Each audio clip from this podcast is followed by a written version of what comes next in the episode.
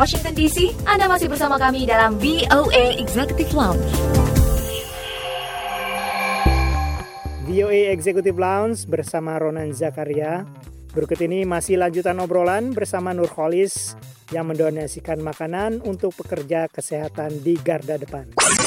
Nah, terkait dengan pandemi COVID-19, apakah bisnis Anda juga ikut terdampak nih, Mas? Ya, betul. Itu sangat saya rasakan ya. Saya merasakan paling tidak 30% penjualan saya menurun pada awal-awal pandemi ini ya. Jadi beberapa karyawan terpaksa saya rumahkan dulu sementara karena memang penjualan menurun. Tapi alhamdulillah tidak lama ya tidak lama karena toko-toko seperti yang saya tempati ini boleh beroperasi terus dengan protokol tertentu dengan protokol COVID-19 ini. Misalkan menjaga jarak terus pakai masker sarung tangan segala macam. Jadi kita tetap buka walaupun beberapa toko restoran yang lain tetap tutup karena ini dianggap sebagai toko kebutuhan pokok yang tidak boleh uh, kekurangan di masyarakat. Jadi walaupun kondisi seperti ini sempat turun 30% alhamdulillah tetap buka dan Alhamdulillah sekarang sudah balik normal lagi karena dari local government sudah menyatakan boleh buka dengan uh, istilahnya tahap satu gitu mbak. Baik,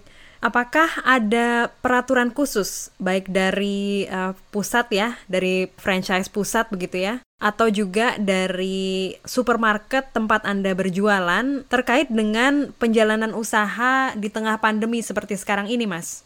Ya betul. Pertama kami dikasih surat jalan uh, oleh pihak perusahaan. Surat jalan maksudnya surat jalan driving. Jadi kalau kita lagi nyupir kan waktu itu tidak boleh keluar rumah. Kalau kemudian di stop polisi kita bisa menunjukkan bahwa saya punya surat jalan ini.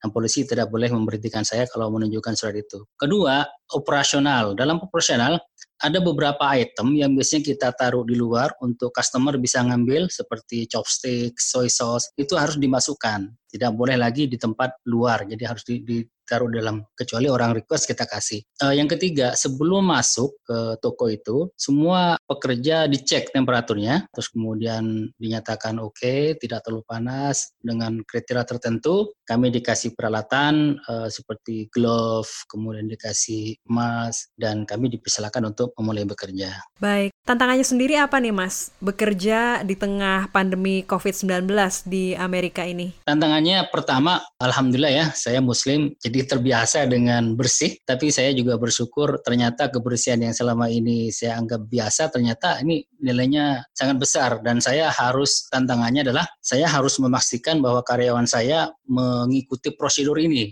mengikuti prosedur yang sudah ditentukan oleh government seperti cuci tangan, menjaga jarak, pakai mask segala macam. Kalau saya pribadi insya Allah bisa langsung aplikasi ya karena tanggung jawabnya lebih besar. Nah cuman itu tadi ketika dengan karyawan saya mempunyai tantangan baru bahwa ini adalah hal yang sangat penting. Nah ini ya menurut saya uh, harus berulang-ulang saya sampaikan kepada teman-teman yang kerja dengan saya. Baik, sekarang ini ada berapa nih pegawai Anda, Mas Nurholis? Nah, tinggal satu nih, pandemi begini nih.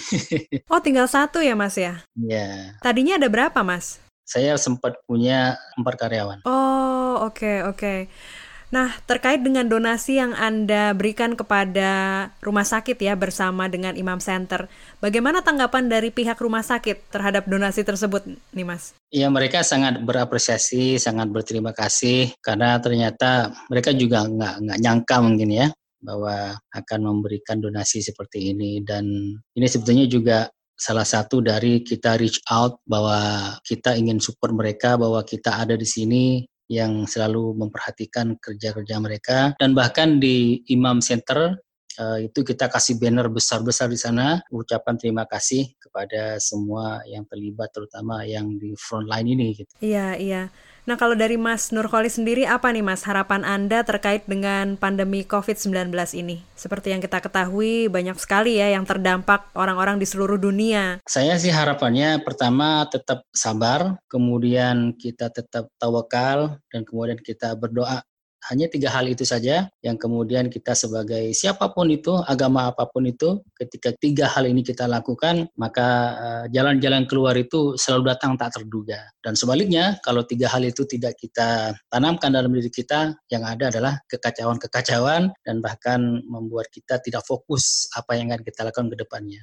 Saya pribadi sebagai orang Muslim yang punya usaha di Amerika menghadapi ini semua, saya hanya melakukan itu saja. Tiga hal saja itu saja. Baik, apakah usaha Anda mendapatkan bantuan dari pemerintah di masa pandemi COVID-19 ini, Mas? Alhamdulillah saya tahu itu dan sudah dari awal teman-teman sudah menyarankan, tapi saya merasa tidak layak untuk apa namanya meminta stimulus dari pemerintah dalam hal small business. Karena pertama, alhamdulillah sampai dari ini walaupun 30% sempat turun, tapi kebutuhan-kebutuhan saya masih bisa terpenuhi. Memang hanya beberapa karyawan yang harus dikurangi jamnya ya. Tapi in general alhamdulillah saya tidak terdampak secara signifikan dengan adanya COVID ini, gitu Mbak. Semoga bisnis Anda terus lancar ke depannya ya Mas ya, dan semoga pandemi ini segera berakhir. Amin, amin insya Allah. Amin. Terima kasih sekali lagi Mas Nur Holis atas waktunya untuk VOA kali ini.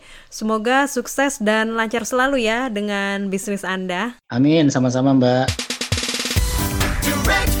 我心疼。